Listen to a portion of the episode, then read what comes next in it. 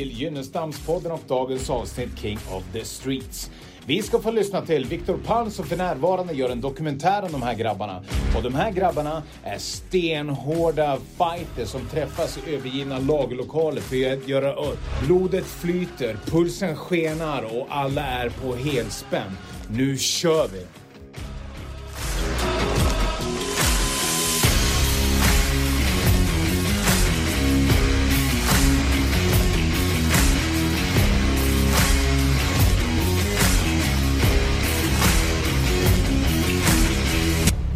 Hej och välkomna till Gynnestams-podden.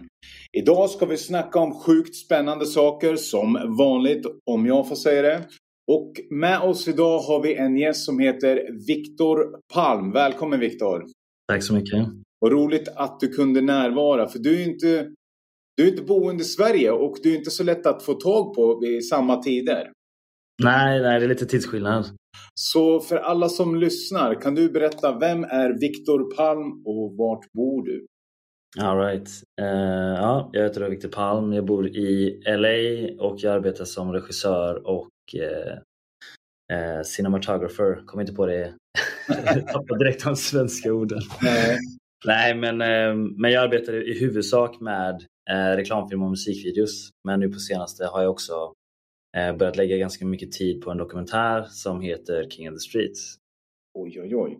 Okej. Okay. Första frågan jag kommer ställa nu där är hur är det att bo i LA kontra i Göteborg? All right. Jag tycker eh, den stora skillnaden med Sverige och LA är att LA, eller, Sverige är väldigt skönt. Allting är ganska skönt, det är ganska säkert. Mm. Um, det finns ett skyddsnät vart du än går. Du har familj och vänner. Uh, det känns väldigt familjärt allting. Um, och, um, och LA är ganska hårt. Du blir ganska hårdhudad i LA. Det, det, det har jag känt så här. Jag, jag tror att jag kom till LA och var ganska naiv. Mm. Uh, och tänkte att jag har en fin portfolio, jag är snäll och duktig, uh, jag vet vad jag vill. Men, men um, vad du än tror om dig själv så ställer LA det på sin spets tror jag. Okej. Okay. Kan du utveckla det där lite? Det är intressant. Nej, men jag tror att i, i Sverige, jag tror att jag har varit ganska bortskämd med eh, haft, att ha ett väldigt bra umgänge i Sverige, ha ett bra kontaktnät i Sverige. Men att landa i LA utan kontakter whatsoever eh, och försöka på något sätt slå igenom. Eller alltså det finns ju inget som heter slå igenom men, men ändå lyckas komma igång och jobba. Eh, det var mycket tuffare än vad jag trodde det skulle vara. Eh, och det, det beror just på att folk har väldigt starka preferenser. De kanske har redan slutit sina kontaktnät och där kommer jag som en nobody. Mm. Um, så det är klart, det är, det är prövande på ett annat sätt. Så om jag säger land of opportunities, vad säger du då? Ja, då säger jag att det är där. Den som kommer dit och tänker att det är land of Ja, alltså det finns väldigt mycket möjligheter. Jag, jag, tror att, och det märkte vi. Vi har blivit ganska så här starstruck ganska många gånger av att du är där det händer. Du är med dem, alltså du, du är nära de som får det att hända det är liksom, eh, jag brukar skoja och säga att eh, eh LA är händelsernas centrum och eh, Sverige är händelsernas väntrum. men, eh, men det finns, båda, båda har sin charm ja. eh, skulle jag vilja säga. Ja. Okej. Okay. Eh, när du säger att det, att det är mycket lugnare i Sverige, för vi pratar ju mycket i podden om, om, om organiserad brottslighet och dödligt utvåld och allting sånt där om jag sätter i kontext till det så är det fortfarande ganska lugnt i Sverige då? Ja, jo men det tror jag. Jag tror att det är mycket mer skjutningar eller Alltså vi har folk som blivit skjutna utanför oss typ två, tre gånger. Ja. Eh, folk som, alltså folk som dör på, på gatan liksom. Ja. Det, är, det, är, inte som att det är en jävla krigszon. Det är bara, det är bara ett hårdare klimat tror jag. Ja. Jag tror att LA är liksom, vad du än tror att det är så är det det. Eh, det finns där, bara du letar efter det. Mm. Um, så ur den aspekten tror jag också att man, man behöver passa sig lite mer i LA. Alltså mm. Du behöver tänka lite mer på vart du är och mm. vad du går tror jag. Men, men med det sagt så är det ju 90% lugnt såklart. Regissör, alltså om vi gått in på det nu här. Hur, hur kom du in på det här spåret? Vad var det som fick dig att vilja bli regissör och söka drömmen i USA? Um, nej men jag tror att det finns en vilja. Jag tror att jag kom till USA och ville arbeta med kameran primärt och sen på något sätt så blev det en naturlig övergång till att regissera mer. Mm. Uh, och det har väl med att uh, ibland så har du bara någonting att säga. Uh.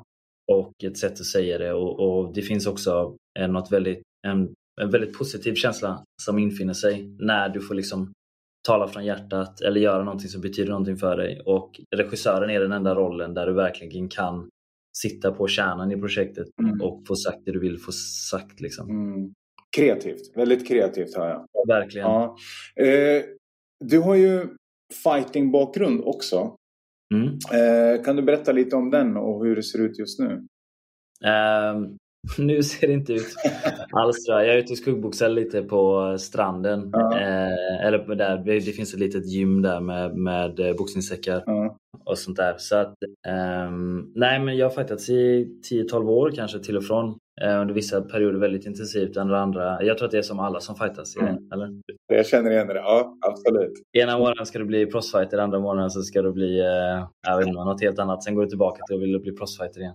Ja. Men eh, jo, men jag har fightats några år. Mm. Mm. Eh, Okej, okay. King of the Street heter ju dagens program här. Mm. Ja. Kan du berätta vad det är? För du droppar ju lite först att du jobbar med någonting som heter King of the Street dokumentär.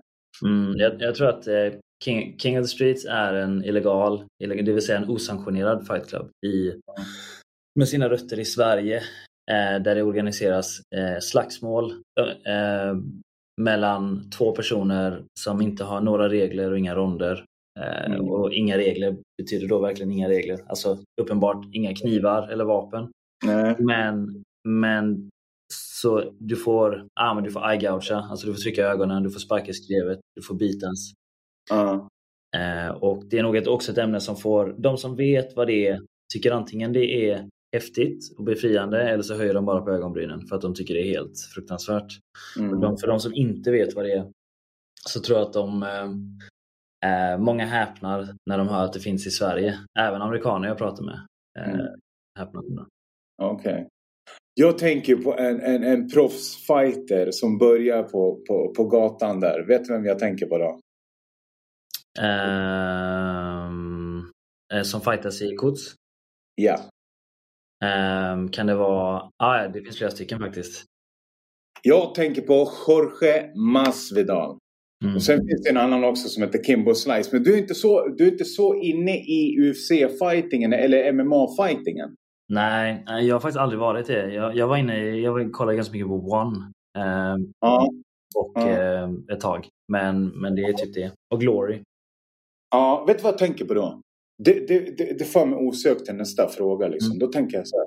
King, King of the Street, för mig som inte kan så mycket om det här. Det betyder att det är, det är en helt annan sport. Mm. Är det ens en sport? Nej. Nej. Och varför är det inte en sport? Nej, men jag tror att för att förklara för alla som inte har någon aning om vad King of the Streets är.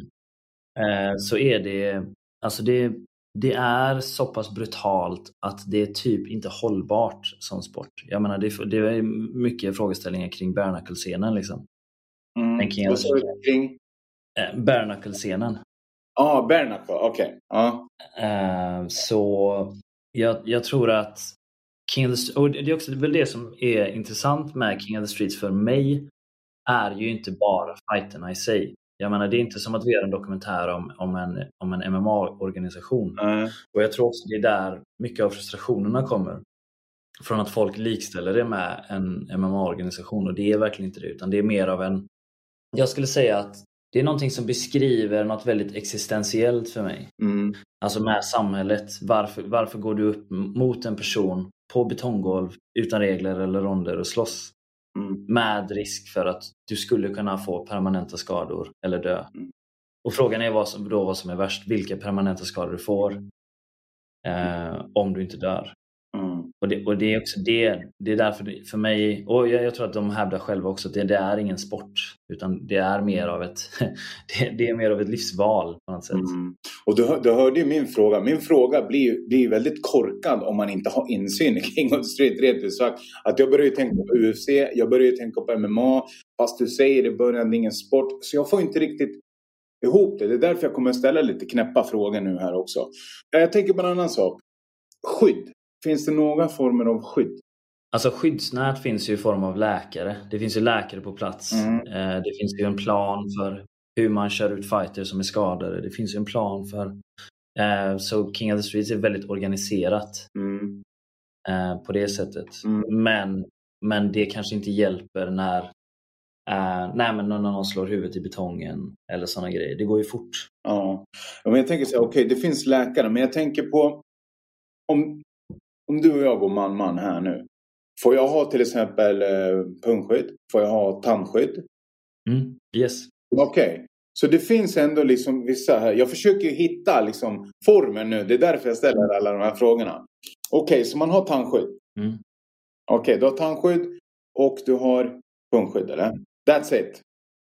De kollar också dina skor innan så att du inte har typ stålhätta. Okej, och det är okej. De kollar skorna. Okej, nu börjar vi hitta någon ram här va? Mm. Okej, och du sa också initialt här att det finns inga, det finns inga regler Nej. förutom det. Okej. Eh, kör man en mot en? Mm. Finns det tillfällen där man kör flera mot flera eller? Nej, det är bara en mot en. Okej, det är bara en mot en. Okej. För osökt kommer jag in på det här med, med huliganism. Mm. Ja, och då tänker jag, där, där, där arrangeras det också väldigt mycket liksom icke-sanktionerade, olagliga fighter liksom, där man träffas ute på fält eller eh, eh, på olika ställen. Och det finns även liksom en gala nere, jag tror det är Polen någonstans där när Lech Poznan körde mot, eh, mot Wiseman bland annat. Liksom, om man pratar om något som är Sverigeförankrat. Liksom. Så om du sätter det här i kontext till liksom, är det här ett mellanspår mellan huliganer och MMA? Ja, jag tror att det är en ganska bra beskrivning. Eh, Men jag tror också att det beror på att eh, rötterna i King of the Street växte fram från eh, huliganfighter.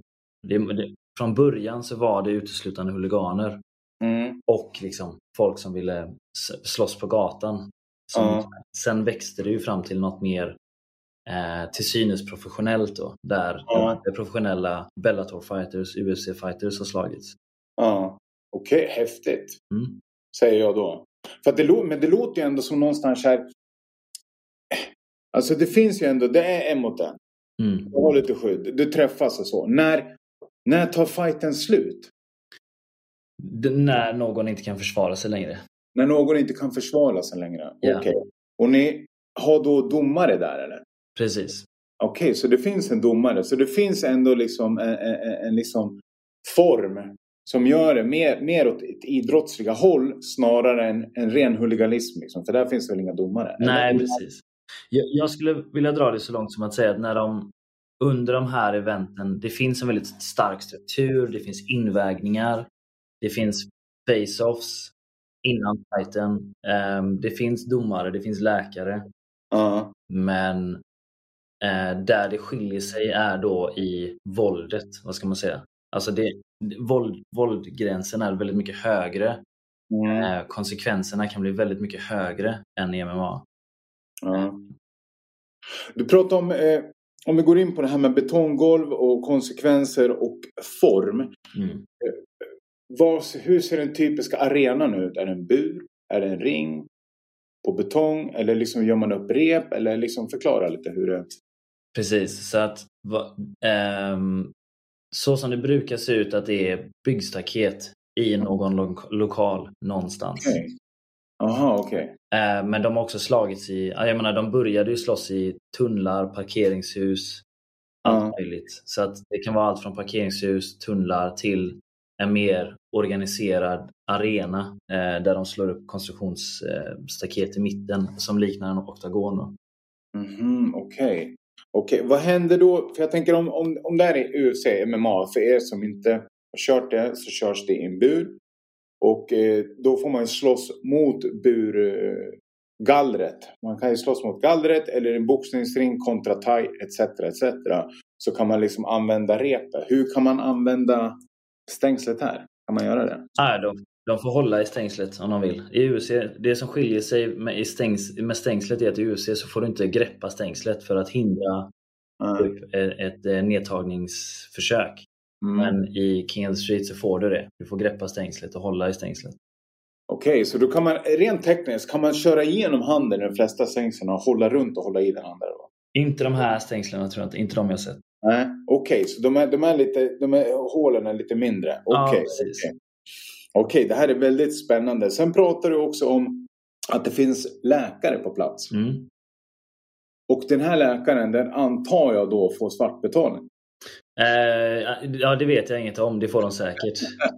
Okej, okej. Okay, okay. Jag ska väl inte gräva djupare i den frågan då. Jag tror att jag har sagt det. Sen jag bestämde mig för att göra dokumentären så sa jag det att ju mindre jag vet desto bättre. Jag är här för att dokumentera. Vi kommer ta frågorna längre fram.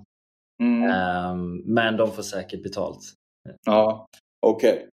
Okay. Eh, två andra saker jag fastnade på. Det var event och face-off. Börja med någon av dem. Um, Okej, okay, men, men det, det som är unikt för eventen i allmänhet är att jag får, ett, jag får en heads-up några dagar innan. Sen får jag ett sms om en plats mm. och en tid. Och sen tar jag mig till den platsen.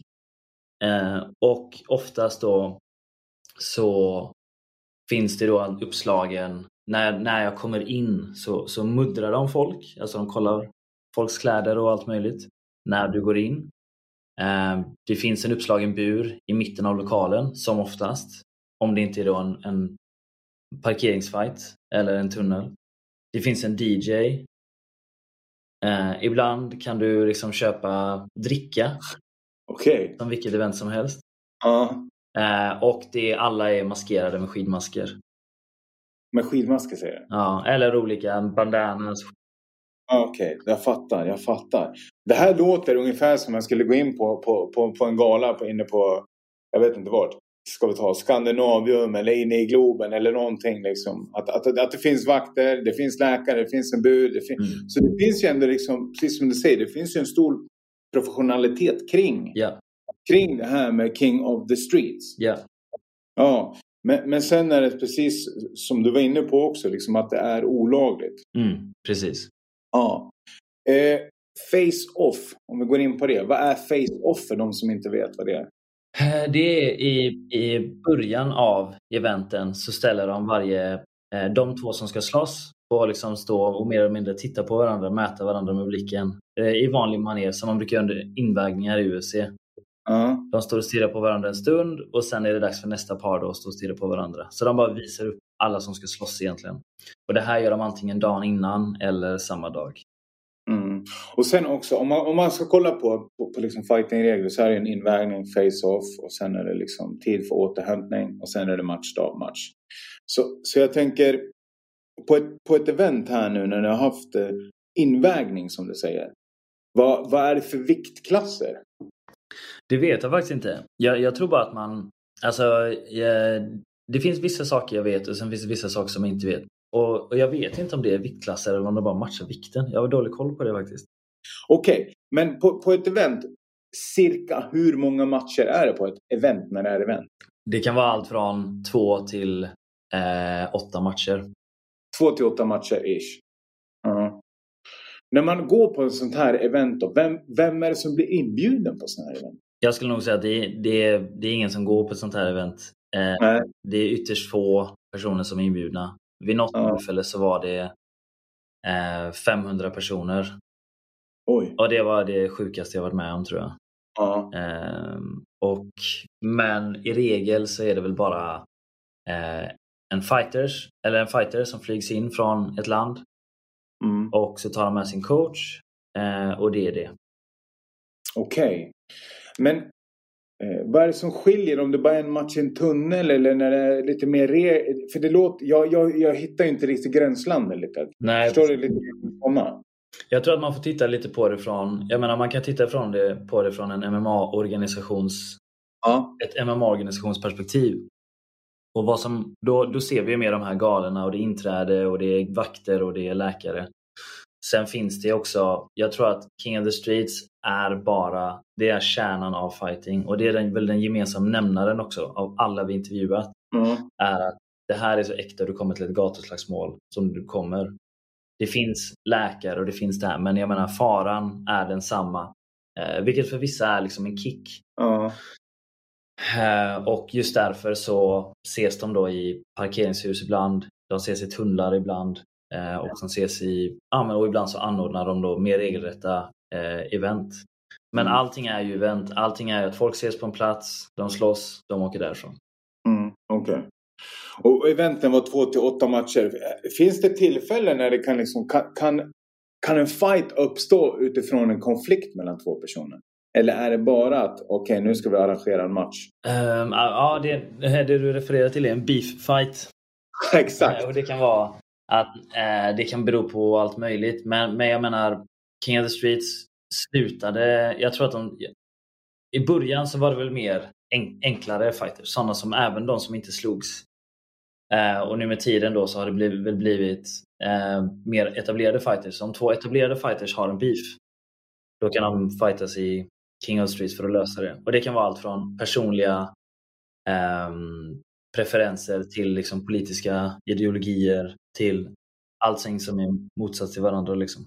Ja, Okej, okay, spännande. Vi ska gå på en liten kortare paus nu och så kommer vi tillbaks alldeles strax.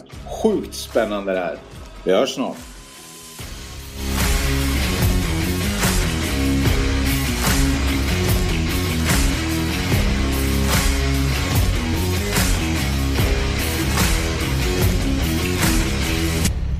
Okej, vi är tillbaks här. Mycket spännande poddavsnitt. King of the Street, Viktor Palm. Jag har en fråga till nu. Vem blir en King of the Street fighter? Mm. Jag, jag, jag, tror att det är, det är ganska det är en ganska intressant fråga för att i början så var det nog mer eh, Jag tror att det var i början var det nog mer ren huliganism. Jag menar huliganer är inte främmande för att fightas och att fightas en mot en är liksom det är samma sak som huliganfighter bara att det är färre personer. Eller. Men jag tror att med tiden så har också um, organisationen blivit mer specifik kring um, eller vad ska man säga, förfinat sina metoder och sina event och det har också gjort att de valt kanske mer professionella eller fighters med mer, mer professionell eller semiprofessionell bakgrund. Uh. Så antingen då en, en huligan som är framme som, som sticker ut mm. eller en professionell fighter skulle jag vilja säga. Mm. Uh, men, men frågan är också då varför, varför väljer någon att slåss i King of the Streets? Och det är väl det som är det intressanta. Och det är väl också det vi liksom forskar mycket i nu uh, när vi gör dokumentären och försöker uh, eh, vad ska man säga, utröna de, de svaren för att det, det handlar nog mer om något existentiellt.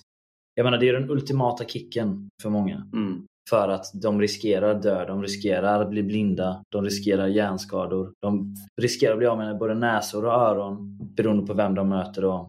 Men ändå gör de det. Mm.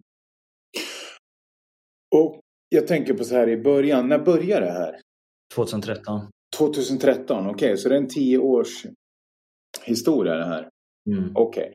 Och nu kommer vi in på mer det här. Hur, hur kommer det sig att du ville, ville följa det här eller ville göra en dokumentär? Hur kom du i kontakt med det här? Om vi kör det därifrån. Mm. Nej, men eh, det började med att jag ville göra en, en, eh, en, en, eh, en sportkampanj och jag hade en idé om att jag ville att den skulle vara så autentisk som möjligt. Mm. Så, och jag har alltid varit, intresserad, jag har alltid varit så här, vad ska man säga, intresserad av bare knuckle fighters för att det är snäppet, det är snäppet mer brutalt än, än MMA. Så du kan förvänta dig lite att frågan du ställer till en bare knuckle fighter kanske är lite mer eh, vad ska man säga, on the edge mot en MMA-fighter. Alltså, alltså MMA-fighting är ju livsfarligt men bare knuckle fighter är också det är, också, det, är också, det är lite som punken i fightingvärlden om du förstår jag Det är lite annorlunda. Uh, och då kom jag i kontakt med en fighter som hette Simon the Savage. Uh. Och uh, då tog han med mig till ett sånt event. Mm. Och jag, jag, tror att den upplevelsen var väldigt överväldigande för mig. Du vet, jag jobbade ju som väktare länge, ordningsvakt och väktare. och jag, jag har en väldigt stark moralisk kompass. Eh, och jag tror att jag, jag, jag var verkligen tvungen att rannsaka mig själv efter det här första eventet där jag filmade. För, för tanken var aldrig att filma eventet, tanken var bara att filma Simon. Okay. Eh, som för mig framstod som en liksom, testosteronstinn huligan. Uh, okay. Men någonstans där så insåg jag också att det finns ju något, det finns något mer än det här och det tog, väl, det tog kanske ett år för mig att komma på vad det var. Uh. Men under det året så fortsatte jag filma. Eh, jag gick över till att filma King of the Streets som i dokumentärsyfte då. Av att jag, ville, jag, ville, jag visste inte vad det var. Jag ville bara jag, jag ville följa det. Jag ville veta mer. Ah, okay.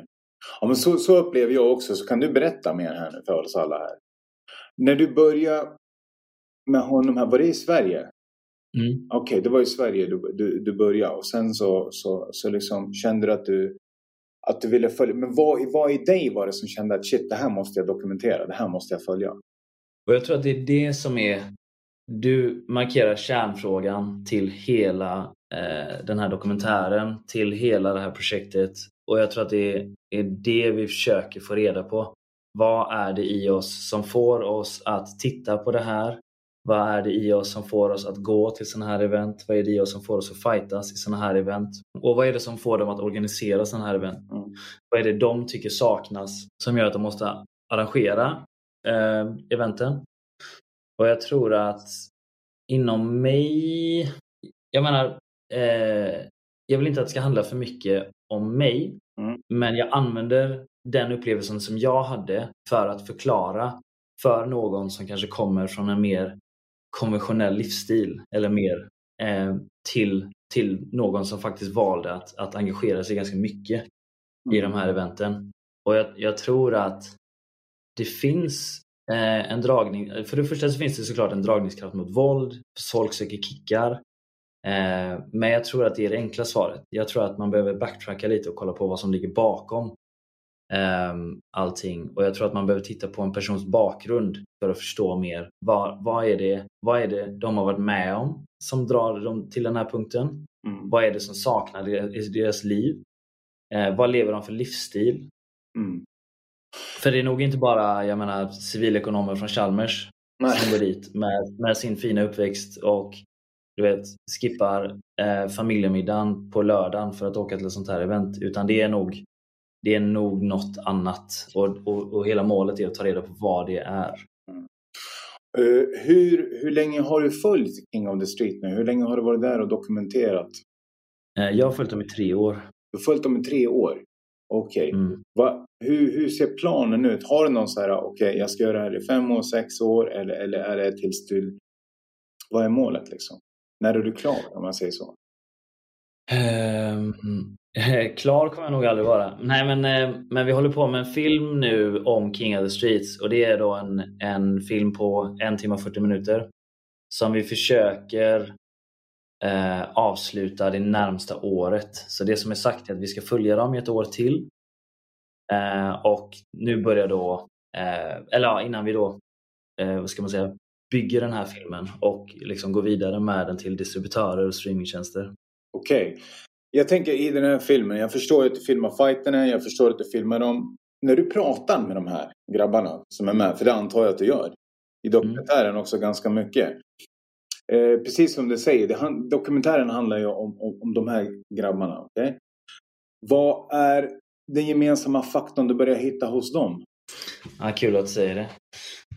Um, den, gemensamma, den gemensamma nämnaren hos alla de här personerna är att det är personer som på något sätt blivit utsatta för våld när de varit yngre eller hittat gemenskap genom våld. Eller att hittat en gemenskap som senare eh, leder till våld. Och alla story är ju olika. Men eh, jag har märkt att väldigt många saknar eh, det, var, det var verkligen som, det var som ett, ett, ett faktum som vi satt och pratade om att det bara var en efter en efter en efter en. De saknar en eh, faderlig förebild. Antingen en frånvarande pappa, en pappa som stack, en pappa som var äh, men inte, inte liksom närvarande i familjeetablissemanget. Mm. Och då att det har växt någon slags frustration i dem. Eh, även jag menar, utanförskap, ehm, en fråga om identitet. Mm. Ehm, ja, det är nog det mest gemensamma. Mm. Starka drivkrafter. Verkligen. Otroligt starkt. Jag, jag känner det i min bröstkorg när du, när du pratar om det här. Eh, vad, vad, känner du i, i, när du har alla de här samtalen? För jag, jag blir påtagligt eh, berörd av det här. Det blir jag också. Jag kan ju relatera till mitt egna liv också. Liksom. Det, det kan jag tänka mig att du kan göra också. Vad, vad, vad, vad händer med dig i den här kontakten liksom, när du pratar med de här grabbarna? Vad ser du utöver det här? Mm. Exakt. Alltså det här är det som gör mig jävligt passionerad. Och det, det handlar inte om det, det, här handlar inte om fighting. King of the Streets är ett uttryck som har formats genom någonting. Och det är, de här, det är bakgrunden av de här personerna som är intressant. Mm. Och det är bakgrunden av, kan vi på något sätt berätta, kan vi på något sätt bara visa så här. Vår vision är inte att visa för alla King of the Streets fans hur hårda eller extrema de här fightersarna är. Utan det är för att, att visa på något sätt en, en mänsklig faktor i det hela. Att, att, visa att de här personerna har också personer som de, mm. de har fadersfigurer som de vill få bättre kontakt med. Eller, eller de vill nå, komma i kontakt med sin egen barndom. Eller de har trauma. Eller de har en vilja medan vissa bara, jag vet inte, vissa, vissa har en väldigt hård yta. Men jag tror att i grund och botten så har alla en story. Och ibland så finns det ett väldigt stort värde i att erkänna våran gemensamma kamp i upplevelsen av att vara människa. Mm. Och jag, jag, tror också att, att det här kommer utmana väldigt många personers fördomar. Det här har jag sagt i, i varje sammanhang, så jag är lite som en trasig skiva. Men jag tror väldigt, väldigt starkt på att jag menar, du har dina livserfarenheter, du har dina politiska åsikter, du, du har någonting som du byggt upp. Och, men ibland så bär vi de här livserfarenheterna som någonting som vi har förtjänat av egen, vi har byggt upp och jobbat ihop det här med egen maskin, dina åsikter, allting du tycker om saker. Mm. Och, och, vi slår oss själva på bröstet och säger det här är mina livserfarenheter. Det här vet jag om världen. Men sanningen är att du, det är inte sant. Du har växt upp i ett sammanhang där du blivit antingen skyddad eller inte. Du har upplevt situationer högst subjektivt men väldigt begränsad eh, information. Mm. Och Det har format politiska åsikter. Det har format livserfarenheter. Eh, och det är också det som är intressant. Kan vi inte nu bara utmana oss själva till att se djupare, titta på de här människorna och erkänna vår gemensamma mänsklighet? Förstår du vad jag menar? 100 procent. Och, och det, är det, det är det som är så viktigt med de här berättelserna. Det här är inte en berättelse om, om våld eller, eller hur fett det är med våld. Det här är en skildring av personer som har ett väldigt stort våldskapital som använder våld. De hittade tidigt våld som språk. Mm. Men de här killarna hade kunnat bli, de hade kunnat bli något helt annat. Simon the Savage, en av de värsta fightersarna i King of the Streets. Han är världens, alltså han är en riktig teddybjörn. Uh, han är respektfull, han är omtänksam, han ber om ursäkt, han, han vill så väl. Mm. Och det är det, det är det som är kärnan av mitt intresse i det här. Jag tror att det finns mer än bara en hård yta och fighting. Mm. Otroligt fint, otroligt fint. Och jag kan ju också uppleva det när jag, när jag, när jag lyssnar på dig. Så sätter jag, i, i vänsterhanden så sätter jag här, då har man King of the Street, du har våldet, du har det här, du riskerar liv, lem och hälsa och allting vad det innebär. Å andra sidan så, så, liksom, så har ju du fått liksom väldigt fina, öppna samtal med de här killarna, det hörs. Ett, ett vackert bemötande och sen också liksom en, en, en genuinitet. Alltså en mm. ärlighet liksom att okej, okay, så här har det sett ut för mig i mitt hjärna. Det, och det står ju det står ju motpol till att vara så här macho och cool och häftig och hej och hå och liksom självhävdande. Liksom. Så, så, så det låter ändå liksom som väldigt närvarande människor. Som väldigt, mm. väldigt människor som liksom verkligen har genomgått en självrannsakan i all dess form. Liksom. Annars skulle inte du kunna ha, ha den här informationen om avsaknad av fadersgestalt och av liksom att det funnits en stor frustration i barndomen, att de har växt upp i liksom olika sammanhang som har format dem till våld. Mm. Ja, det låter, det låter otroligt, otroligt fint. Har du, har du, med den frågan, hur, hur många samtal har du haft med vad heter det, många av de här. Och hur, hur mycket har ni kommit in på begrepp som sårbarhet eller liksom ensamhet eller utanförskap? Mm. Ja, vi har haft väldigt, väldigt många bra samtal. Vi fick precis, eh, vi avslutade precis vår första riktigt stora intervjurunda ja. med våra huvudpersoner. Och det har funnits väldigt, väldigt, kolla vänta, ser du min gåshud nu? Ja, jag ser den. Vi har haft väldigt bra samtal som har varit väldigt målande för de här personernas utsatthet. eller deras upplevda utsatthet. Och det har handlat om barndom, det har handlat om utsatthet i skola, det har handlat om eh, dåliga ekonomiska förutsättningar. En av våra huvudpersoner som är liksom den här tuffingen, han sitter och pratar öppenhjärtat om att ibland så hade det varit lättare för honom att inte ha en pappa än att ha den pappan han hade. Som uttrycker sin djupa önskan att bara ha en person som visar honom hur man gör, hur man söker ett jobb, hur man gör i skolan. Gör det här, gör inte det. Hur man pratar om tjejer. Eh, men, men att det inte fanns när han växte upp. Mm. Det fanns motsatsen. En pappa som sa att han var skit, som, som, som inte hjälpte honom men tryckte ner honom. Mm. Så han fick hitta sin egen väg. Och det är klart att det växer fram en vrede då. Mm. Det, är klart att, det är klart att det finns och det finns historier om folk som de här tuffa fightersarna som vi ser med ansiktstatueringar som låste in sig på toaletten när de gick i skolan på, på dagarna på grund av utsatthet och utstötthet. Mm. Um, och det, och det, jag tror att det är det som uh, jag tror att det är det som är kärnan i, i liksom allting. Mm. Otroligt vackert. Vi ska gå på en eh, kortare paus här nu så ska vi fortsätta det här spännande samtalet här. Stay tuned!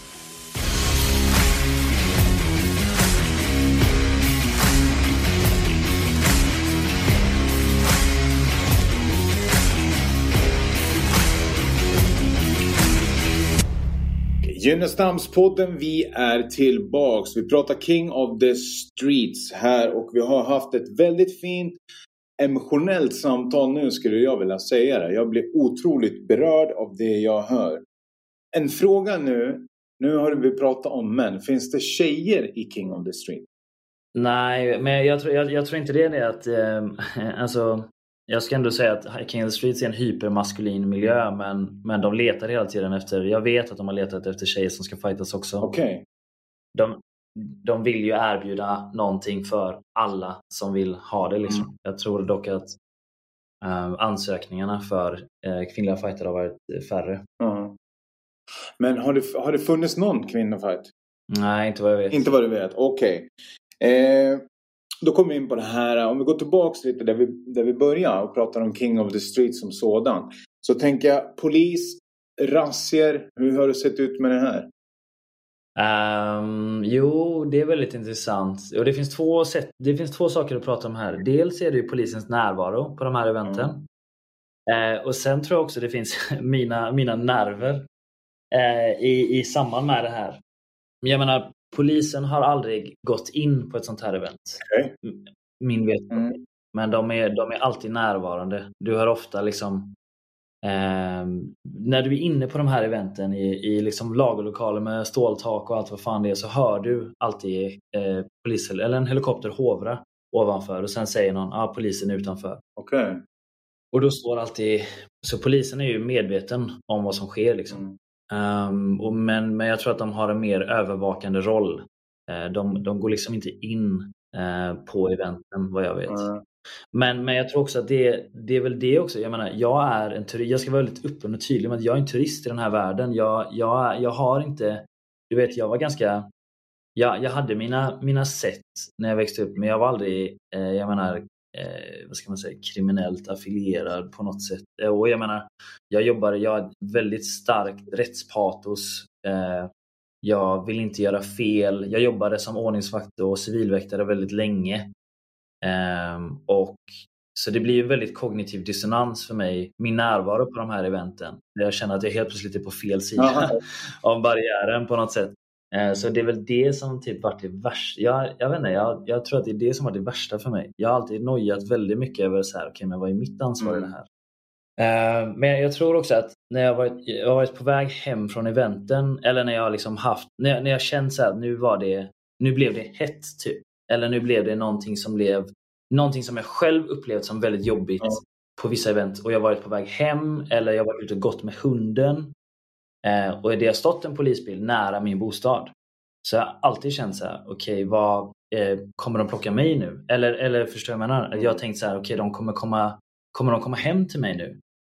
Eh, och, och, det var också därför jag, jag, jag vet, jag, jag har jobbat med liksom, eh, vad ska man, rättsliga frågor. Jag har jobbat som väktare och ordningsvakt. Jag har ett starkt mm. rättspatos. Så, så att jag också valt att distansera mig från vissa saker. Där jag verkligen sagt, jag vill inte veta mm. det här och det här och det här. Säg aldrig det till mig. Jag vill inte ha någon del i det. Jag ville dra ett väldigt starkt streck mellan mig och eh, organisationen. Jag vill kunna med rent samvete dokumentera det här utan att polisen sparkar i min dörr. Jag, nu, nu har jag, nu har jag liksom kollat med mycket. Eh, jag, jag, vet vad mina rättigheter är. Men det fanns en tid då jag inte visste vad, får jag göra det här eller får jag vara här? Eller vad, vad kommer hända med mig nu? Vad kommer hända med mitt varumärke om det kommer ut att jag är här? Mm. Typ, jag berättade för min farsa för typ sex månader sedan att jag gjorde det här och då har jag ändå gjort det i tre Oj, år. Uh. Vad var det som gjorde att du inte berättade då? Nej, han, han, han förstår inte. Han kommer inte förstå. Okej. Okay. Förrän han ser filmen. Kanske okay. då. Okej, ja men det, det, det blir ändå något annat då tänker jag. Alltså det är ungefär som liksom om jag drar det här nu, för nu, nu är du där, precis som du säger, du är en turist. Du är där och filmar. Alltså det är ungefär som vilken grävande journalistik som helst egentligen. Liksom, så kommer allt ifrån liksom, nätverk till skjutningar etc. etc liksom. Ja. skillnaden här är att du, liksom, du, du är ju närmare ändå. Eftersom det är en dokumentärfilm. Du pratar ju med de här grabbarna. Ja. Så ja, Okej, okay, jag kan förstå att, att, du går, att du har gått igenom och går igenom mycket med det här. Precis. Och jag, tror också att payoffen är annorlunda jämfört med om jag hade varit en grävande journalist. Jag tror att hade jag varit en grävande journalist hade det funnits ett slutmål. Och någon gång där jag kände så här, okej okay, nu har jag hittat tillräckligt mycket information, nu kan jag liksom publicera det här. Mm. Men jag tror att jag, jag har haft en mer introspektiv resa i att försöka förstå mig själv i det här sammanhanget. Varför jag tycker det eller varför jag, jag dras till, till det här. Liksom. Mm. Vad har du kommit fram till? Då? Eh, nej, jag, eh, ja, det, det, det jag kommit fram till är att det, jag har, jag, jag menar, det finns en dragningskraft i det här. Det finns någonting, jag känner en otrolig njutning över att, över att få vara jag menar, den del jag har i det här så är jag ändå stolt över min del i det. Mm. Jag är stolt över min del i det för att på grund av människorna där, inte på grund av fighterna i sig. Mm. Men, men jag tror också att det finns någonting vi söker i livet. Um, och jag menar i synnerhet nu när vi har sociala medier och allting är, alla är en skådespelare. Allting är, allting är fake i princip. Då är det rätt skönt att komma ner till någonting som jag upplever som väldigt äkta. Okej. Okay. Otroligt spännande det här. Vad heter det, om jag går tillbaka till det här med, med, med polis och liksom. Mm. Har du varit med någon gång när det har blivit typ en razzia eller något tillslag eller någonting? Det närmsta vi kom var när vi var på en plats eh, och vi fick liksom mer eller mindre springa från polisen in på ett event. Okej. Okay. Um, men det var... uh, då sitter vi i en buss och det är väldigt många huliganer på den här bussen. Och jag är så jävla ledsen att jag inte filmar det här, men jag var så jävla rädd. Och eh, då säger en kille, de kan inte ta oss allihop. Det är bara att springa. Och så lägger vi benen på ryggen och springer in på ett varuhus då, eller en, en liksom avstängd location. Mm. Där, ja, där eventet ska hållas då. Och då, liksom, då vet ju polisen att vi är där. Så att de, det känns ju dumt att inte, alltså vanligtvis när du springer från polisen springer du från. Alltså, men nu sprang vi in och låste in oss på ett ställe, liksom, ja. vilket känns ironiskt. Men det, det blev ingen... Man, ja, vi visste att det var polisbilar utanför och de var väldigt närvarande mm. och vi hörde helikoptrarna. Mm. Men, men det blev ingenting mer av det. Liksom. Ja, det blev inte något tillslag och, och, och Nej. ledde till någon form av arrestering eller någonting? Nej. Har du varit med när det har blivit så någon gång? Att någon har blivit arresterad efteråt eller så? Nej, nej det har vi inte. Jag vet att polisen har stått och liksom med sina polisbilar utanför när vi väl gått från eventen och då, då har väl de kanske filmat vilka som varit där eller du vet, de, jag vet inte, de har väl filmkameror på sina bilar. Så jag tror att de kartlägger väldigt mycket vad det är, vad är det som händer, vilka som är där. Mm. Sen tror jag också att, eh, jag menar, det var på nyheterna för ett par år sedan och då pratade polisen om att liksom vi, vi ser inte, jag menar det behövs mer resurser för att kunna gå in på sådana här event. Och som jag uppfattade det, eh, vad är det han heter, Erik Nord, han pratade om att det finns, om det är två personer som går med på att slåss mot varandra så är, jag menar, det, det, är, det är inte det värsta som händer i samhället just nu och det, vi ser ingen anledning till att sätta in resurser för det. Mm. Och jag tror att det, det har splittrat eh, åsikterna väldigt mycket om att man ska stoppa det eller inte stoppa det. Mm.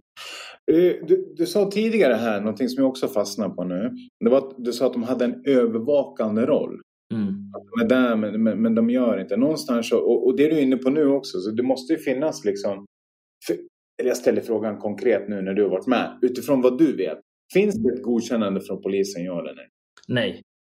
Nej, okej. Okay. Om det inte finns det, vad, vad, tror du det är utifrån din erfarenhet som gör att de inte griper människor? Okej, okay, här nu, att det blir liksom eh, misshandel till exempel. Jag tror att det är två variabler. Dels är det väl säkerheten för poliserna som går in. Mm. Eh, men dels är det väl också integriteten av de här eventen. Att de är extremt anonyma. Mm. Det blir inget, inget liv runt omkring dem. Det blir inget stök på de här eventen. Du ska veta att folk står väldigt lugnt och stilla på de här eventen. Det är ingen som höjer rösterna eller är våldsamma utanför buren på de här eventen. Nej. Okej, okay, okej. Okay. Häftigt. Vi går vidare nu. Vad kommer King of the Street som organisation, som Fight Club att ta vägen? Uh, det här är så lustigt för att dels så känner jag, jag jag tror att de kommer växa och jag tror inte de kommer växa bara för att de är duktiga på vad de gör. Jag tror att de kommer växa för att folk söker sig till sådant. Mm. Uh, folk vill se uh, bilolyckor, slagsmål på Instagram. De vill se våld och de vill liksom, vi, vi vill sätta oss i en situation som inte är vår egen. Och liksom, jag vet inte, jag tror att det finns något primalt över det. Det finns något väldigt tilltalande till människor. Mm. Vart finns King of the Streets idag? Eh, de, jag skulle nog säga att de är ganska, de finns i hela Europa. I hela Europa? Ja. De har, gjort, de har börjat expandera till andra länder. Eh. Som jag vet. Mm. Vart börjar King of the Street? Det började i Sverige. Det började i Sverige? Ja. Vart i Sverige? Um, Göteborg. Men jag tror också att det är det som är så intressant för att jag menar, det är inte det folk tror om Sverige. Jag menar, nu har vi mycket gängskjutningar eh, och det är väl, det är väl ett, ett svart kapitel i Sveriges eh, eh, historia. Men, men i övrigt så ses Sverige som ett ganska lugnt land. Ett ganska mm. lyckligt land där vi inte gör, alltså det är ingen som går ut och stökar på det sättet. Eh, och så växer en av eh, världens mest våldsamma fight clubs fram från det här. Mm. Ja, och jag, och jag tänker ju osökt så kommer jag in på det här. Det, här, det, är en fight club som växer och, och, och, så. Då tänker jag på att folk vill se det här som, som du säger. Finns det någon form av streamingtjänst över det? Det tror jag. De streamar ju mycket på, jag vet inte om det är på Youtube. Ehm, de streamar sina event eh, där folk kan betala för att liksom se ehm, matcherna. Så att, mm. ja, det, är, det är liksom ett, det är ett arrangemang, eller det är liksom ett, en, en ett maskineri. Mm. Okej, okay. men vem, vem, kan, kan, om det finns på Youtube, så då, då har de en sida där vem som helst kan egentligen mm. gå in där och bara betala en tjänst, precis som, som en vanlig stream, precis som ett UFC-gala. Ja. ja Okej. Okay. Hur annonseras det här ut då? Eh, de har ju en ganska stor följskara på både Youtube och Instagram. Okej, okay. så det, det är via sociala medier, Instagram, Facebook också antar jag, mm. eller? Okej. Okay. De, är, de är som vilket, vilken, vilket företag som helst under 2023. Jag tror till och med de har TikTok. Okej, okay, och du har ju pratat lite om, om, om, vi går, om vi sätter det i relation till galer nu också. Mm. Och det finns face-off, det finns invägningar. Finns det inför matcher också sådana här mini-trailers. Att, att här Kalle Kula ska möta, ja du vet. Ja, de, har, de har en ganska, vad ska man säga, gedigen sociala medier-närvaro. Så de har liksom ett team som arbetar med deras sociala medier. Mm, Okej, okay, okej. Okay. Eh, när du kom i kontakt med de här killarna, hur, hur gick det till? Eller kom i kontakt med King of the Street som jag säger så? Uh, nej, men jag kom i kontakt med dem genom uh, Simon the Savage. Men jag tror att i början var det nog ganska stora frågetecken kring vad min närvaro där var. Mm. Och det, ja, jag tror att det var det som tog eh, mest tid att utveckla. Liksom. Jag ska omformulera frågan. Hur kom det sig att du fick legitimitet att göra det här? det här? det är ju ändå inte lagligt, det är ändå inte, det är en ganska liksom, selektiv skara som du säger. Jag, jag tror att det primära är att de vill synas. Ja. och, och jag, jag, hade en diskussion med, eh, med, med en eh, duktig journalist om, om liksom hela fenomenet häromdagen. Mm. Och vi pratade lite om, okej okay, men vad, hur reagerar de när du lägger ut grejer som, som, inte, som de inte tjänar på? Eller som liksom tar upp skadliga aspekter. Eh, som, som kan vara något som de sprider. Liksom.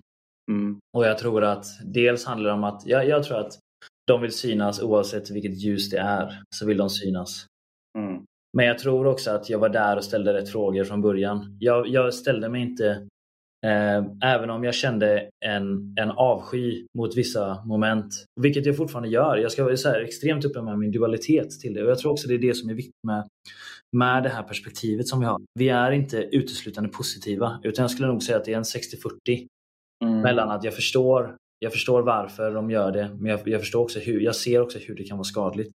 Mm. Men jag var där tidigt, jag ställde rätt frågor, jag kom in med ett genuint intresse och lät dem diktera eh, jag menar, de svar som de ville ha. Så det var nog, det var nog så jag fick, det var nog så jag cementerade min närvaro eh, där. Okay. Har du varit rädd när du har varit där? Ja, oh ja. Um, jag kommer ihåg det första eventet jag var på.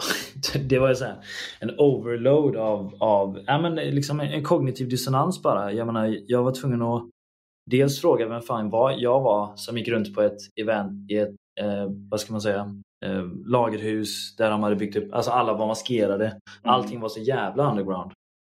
Det, det är verkligen inte min värld i vanliga fall. Men jag tror också jag var rädd för, dels för jag har alltid, det finns inte en enda match som jag har varit på där jag inte varit rädd innan matchen för att någon av dem ska mm. liksom bli allvarligt skadad. De lättaste matcherna är ju de när de liksom blir knockade, inte slår huvudet i betongen, går upp, går ut och liksom tackar sin motståndare. Då mm. tänker jag bara ah, tack. Jag känner så en, en, en mm. extrem känsla av lättnad. De värsta matcherna är matcher där någon är liksom, blir knockad brutalt. Eller där de slåss i 15 minuter Eh, för då tänker man, alltså du, du kan inte bara tänka dig vilket stryk mm. eh, det blir på hjärnan. Och sen också rädsla för, jag menar mitt eget rykte. Jag gick dit, jag menar farsan visste inte att jag var där men det var många som inte visste att jag var där. Sen var det vissa som visste att jag gjorde det ändå. Eh, jag menar mitt eget rykte. Jag har jobbat med eh, försvarsindustrin, jag har jobbat med läkemedelsföretag. Eh, och under den här tiden när jag var som, som vad ska man säga, mest närvarande på King of Street var också den tiden då jag jobbade med de här företagen som mm. har en väldigt känslig policy. Så ja, det finns väldigt många grejer att vara rädd för. Mm. Har du varit rädd för, okej okay, jag, hör, jag hör att du varit rädd om ditt varumärke, jobb och, och, för grabbarna där också. Men har du varit rädd att du ska bli utsatt för någonting i den här? Aldrig. Aldrig. Så det har funnits en trygghet hela tiden där? Ja, och jag, jag tror att det är det som är ironin av det hela är att du upplever de har, vi har pratat med någon annan om det häromdagen, de har väldigt en, en väldigt Utifrån så kan de verka väldigt aggressiva. De har en väldigt aggressiv approach. Det är dödskallemasker och det är, ja du vet.